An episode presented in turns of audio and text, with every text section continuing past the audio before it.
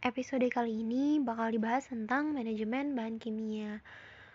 Hmm, secara garis besar, untuk manajemen bahan kimia itu ada siklus dari uh, manajemen bahan kimia yang pertama ada purchasing and receiving atau membeli dan menerima, kemudian storage atau uh, penyimpanan, kemudian distribution yaitu melakukan distribusi, application atau uh, penggunaan bahan, kemudian collection, pengumpulan, kemudian yang terakhir ada treatment and disposal atau perawatan uh, dan cara pemeliharaan dan juga uh, pembuangan atau bagaimana cara uh, merawat mengatur limbahnya.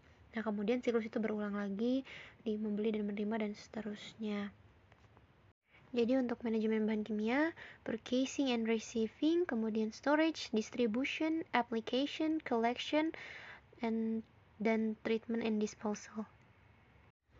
Jadi uh, untuk manajemen bahan kimia ada opening statement yang diberikan uh, ini adalah each person has an important role to play in a chemical's life cycle at an institution and each one of them should be aware that the wise management of that life cycle not only minimizes risks to humans and to environment but also decreases costs. Um, intinya tuh setiap orang itu punya peran penting dalam memainkan uh, siklus bahan kimia dalam sebuah institusi dan setiap orang itu harus menyadari tentang uh, manajemen yang bijak dalam siklus tersebut tidak hanya untuk meminimalisir resiko terhadap manusia dan terhadap lingkungan aja, tapi juga untuk mengurangi biaya yang keluar.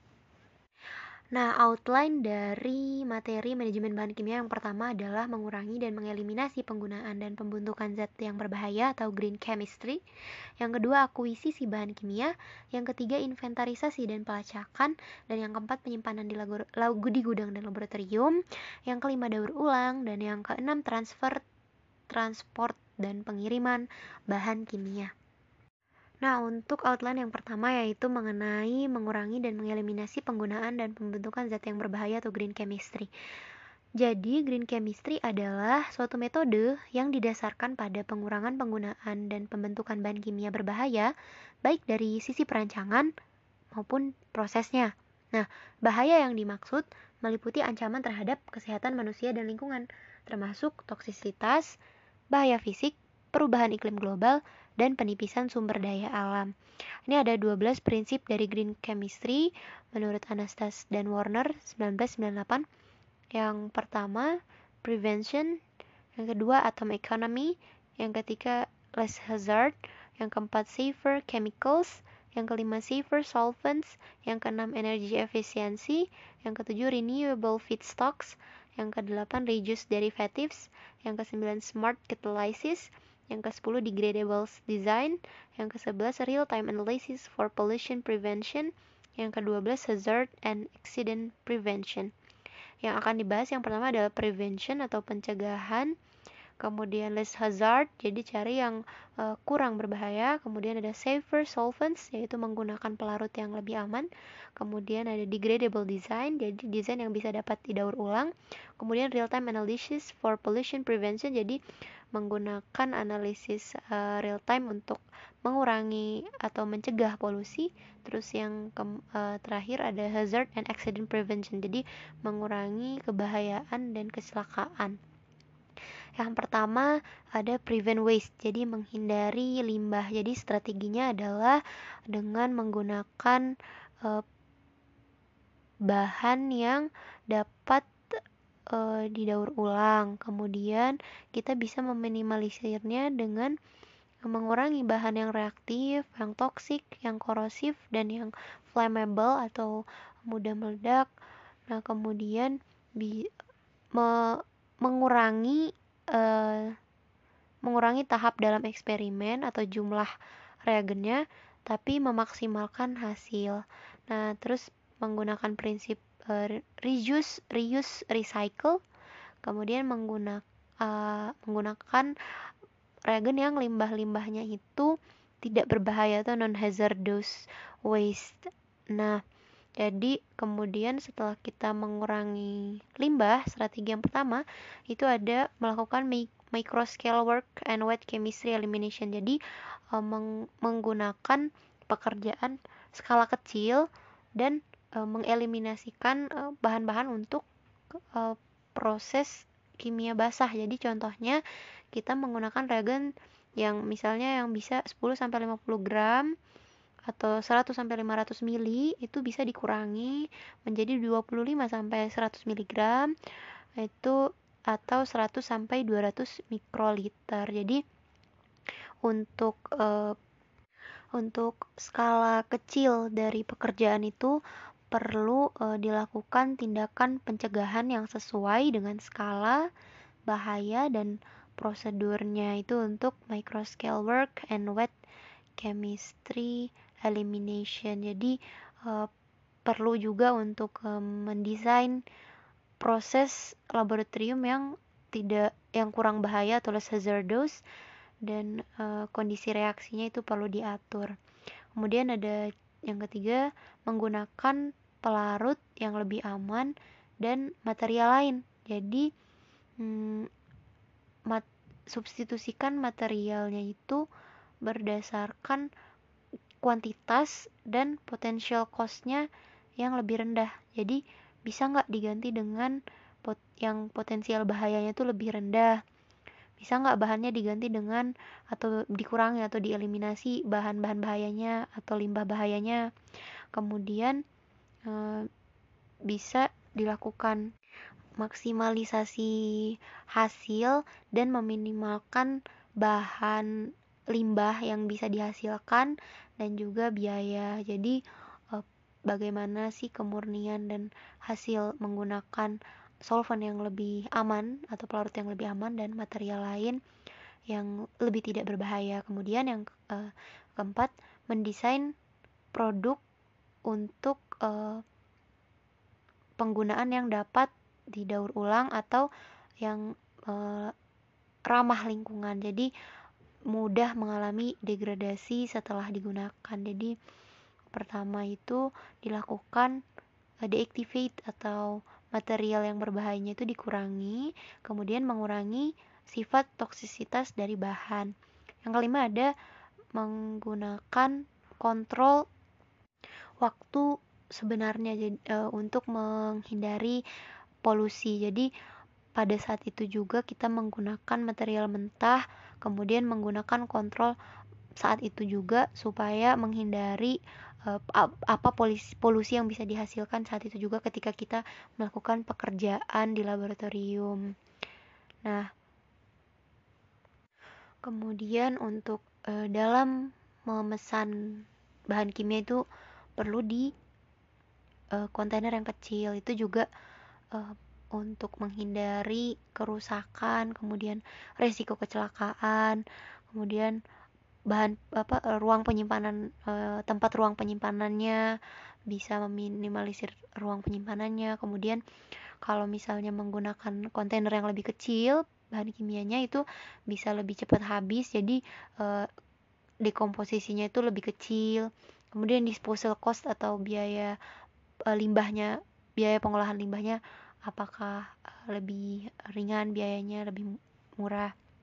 Nah kemudian uh, yang kelima meminimalisir potensial kecelakaan. Jadi uh, untuk bahan-bahan sifatnya berbahaya itu ada di dan dipahami gitu. Nah, jadi kita perlu mencari sejarah atau misalnya secara historis bagaimana data kecelakaan dalam laboratorium. Kemudian berusaha meminimalisir potensial yang dapat terjadi e, di kecelakaan itu. Jadi penyebabnya apa aja? Oke, mungkin itu aja outline yang pertama mengenai green chemistry. Kemudian outline yang kedua hmm, tentang manajemen bahan kimia ada acquisition of chemicals. Jadi akuisisi bahan-bahan kimia atau bagaimana mendapatkan si bahan-bahan kimia itu atau pengadaan bahan-bahan kimia. Nah, yang pertama itu bagaimana cara memesan bahan-bahan kimia. Di sini dijelaskan ada proses pembelian secara tersentralisasi. Nah, itu biasanya mengirimkan uh, pemesanan kemudian pusat uh, dari spesialis atau central purchasing spesialis itu akan uh, memastikan apakah order detail dari uh, request bahan kimianya sudah tepat atau sudah pasti atau ke kemudian mengumpulkan tiga atau uh, lebih kutipan yang dapat dibandingkan. Kemudian uh, yang paling terbaik itu akan dikirimkan ke departemen untuk direview dan disetujui departemen pen pengadaan bahan kimia. Kemudian ketika disetujui dilakukan pre-order dan dikomunikan langsung ke vendor untuk uh, bahan-bahan yang dimintai oleh departemen. Kemudian proses pembelian selesai ketika sudah dikirim dan dibayar yang e, diselenggarakan oleh kantor atau departemen yang melakukan pembelian bahan kimia. Nah, sebelum membeli bahan kimia itu ada beberapa hal yang harus diperhatikan. Jadi, e, bahan kimianya apakah dia merupakan bahan kimia yang stabil atau tidak atau kemudian bagaimana cara me, me, memanajemen limbah dari bahan kimia yang kita beli. Kemudian apakah tersedia di lab lain atau tidak? Nah kemudian gunakan kuantitas atau jumlah minimum. Nah kemudian uh, maksimum size jadi kontainer ukuran yang besar itu diizinkan. Kemudian uh, atur atau manage secara aman ketika uh, alat-alat bahan-bahan kimianya sampai. Kemudian uh, tentukan apakah ada resiko keamanan lain yang dapat dihasilkan dari bahan tersebut. Nah kemudian ketika uh, pengadaan bahan kimia itu kita sudah terima bahannya itu ketika paketnya sudah diterima ini ada beberapa hal yang perlu diperhatikan. Nah e, yaitu yang pertama menggunakan equipment atau peralatan yang e, sesuai atau proper equipment kemudian membutuhkan area atau penyimpanannya kemudian paketnya datang nah untuk personel yang melakukan e, penerimaan bahan kimia itu harus menentukan apakah apakah yang harus dilakukan ketika sesuatu terjadi, siapa yang harus dihubungi ketika sesuatu terjadi ketika penerimaan bahan kimia tersebut. Nah, uh, ini harus dilakukan pelatihan terhadap siapa gitu. Nah, penerimaan bahan kimia itu uh, biasanya terdapat sebuah uh, label di bahan kimianya yang perlu diperhatikan apakah ada tanda korosif atau misalnya tanda bahaya lain yang ada pada bahan kimia yang uh, sudah diterima dari proses pengadaan bahan kimia tersebut.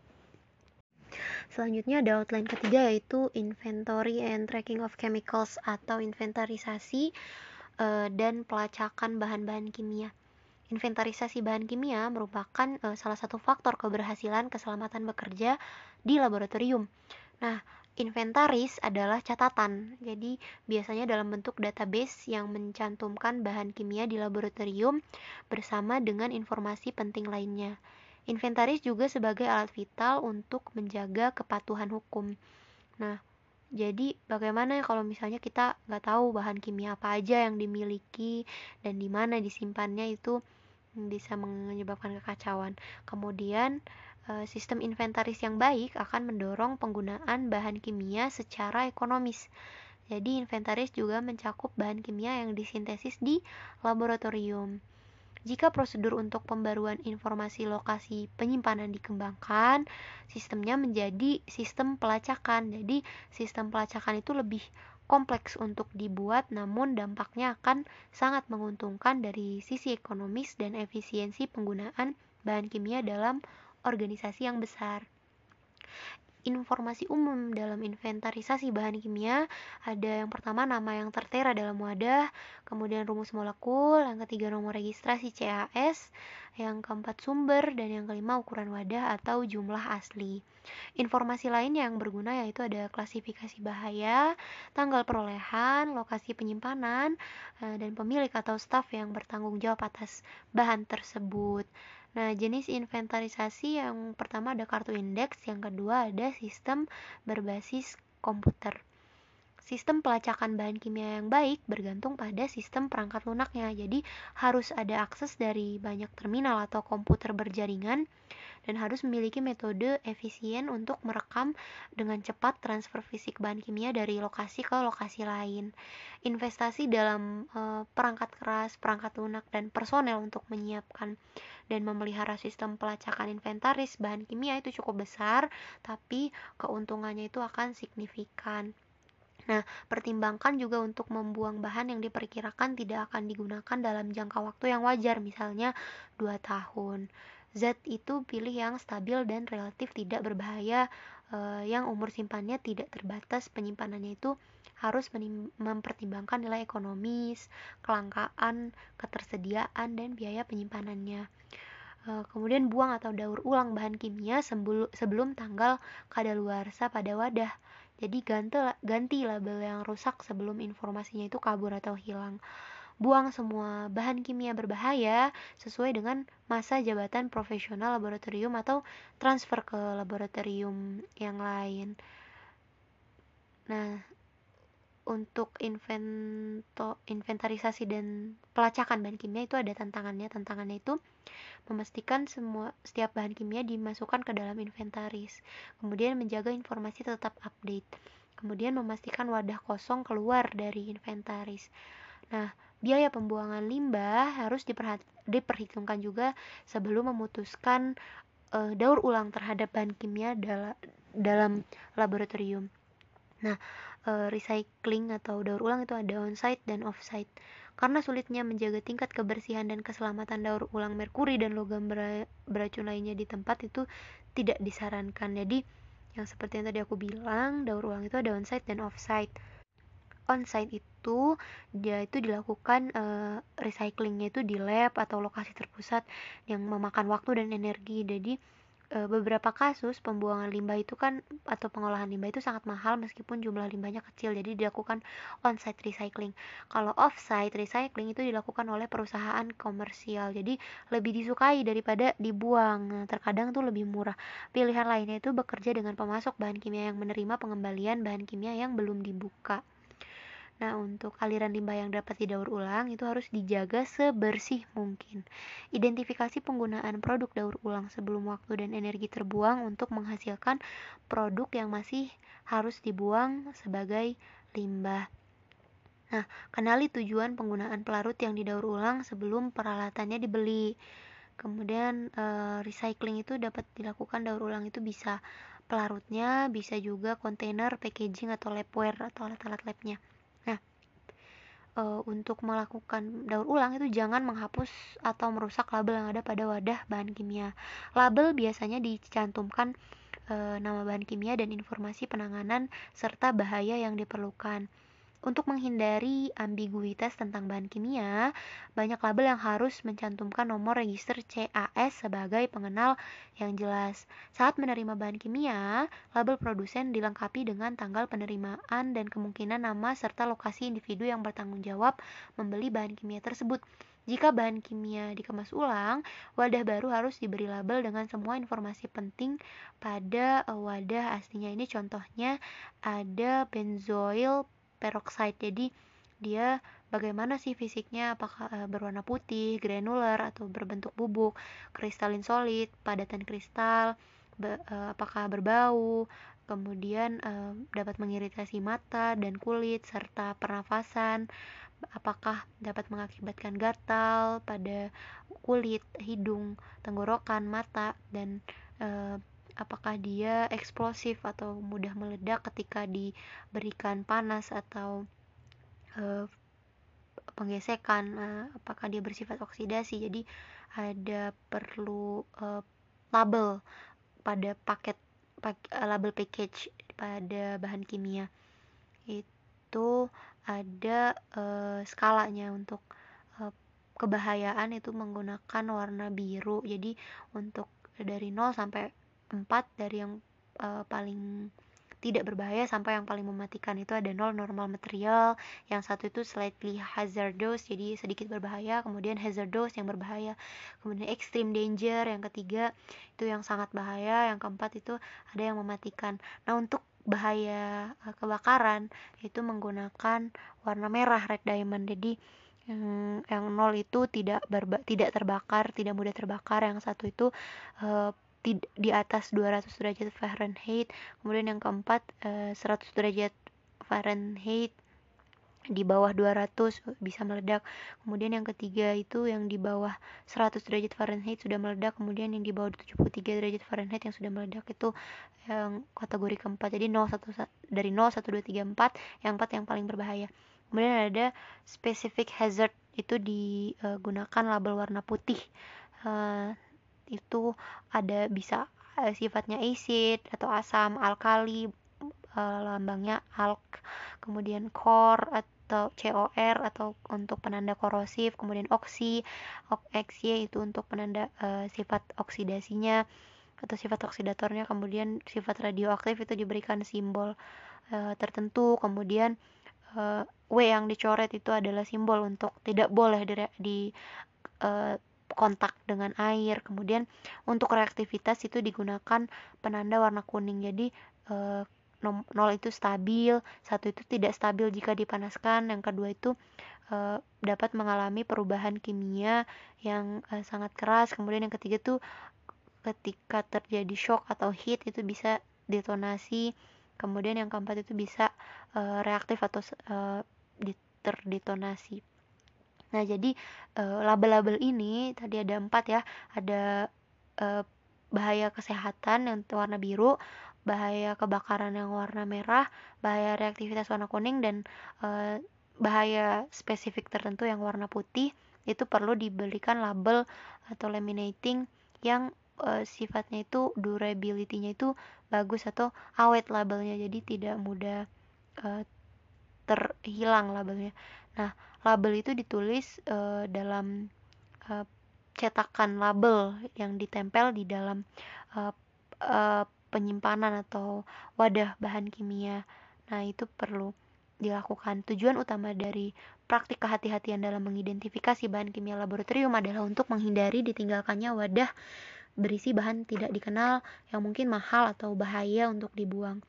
Isi dari semua wadah kimia dan bejana transfer itu termasuk namun tidak terbatas pada gelas kimia, labu, bejana reaksi, dan peralatan proses. Jadi harus diidentifikasi secara benar semua wadahnya.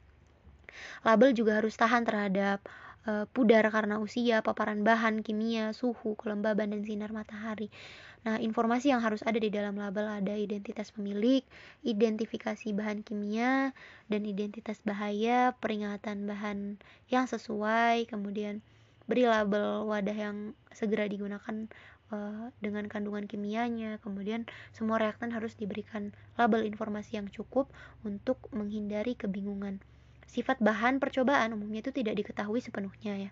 E, jangan harap labelnya itu memberikan semua informasi yang diperlukan untuk memastikan penanganan yang aman. Jadi informasi terpenting pada label bahan percobaan adalah nama peneliti yang bertanggung jawab serta informasi lainnya seperti referensi buku catatan laboratorium yang dapat langsung mengarah pada apa yang diketahui tentang bahan tersebut. Untuk bahan yang akan disimpan dalam lab, yang sifat bahannya kemungkinan besar e, dapat dipahami dengan baik, hanya diperlukan identifikasi dan nama sampel. Informasi penting itu dalam keadaan darurat, bagaimana sih cara mengakses seorang peneliti yang memiliki pengetahuan tentang bahan kimia yang terlibat, kemudian rencana kesiapsiagaan darurat apa yang harus dilakukan jika terjadi pelepasan bahan yang berbahaya. Untuk outline selanjutnya di podcast episode berikut.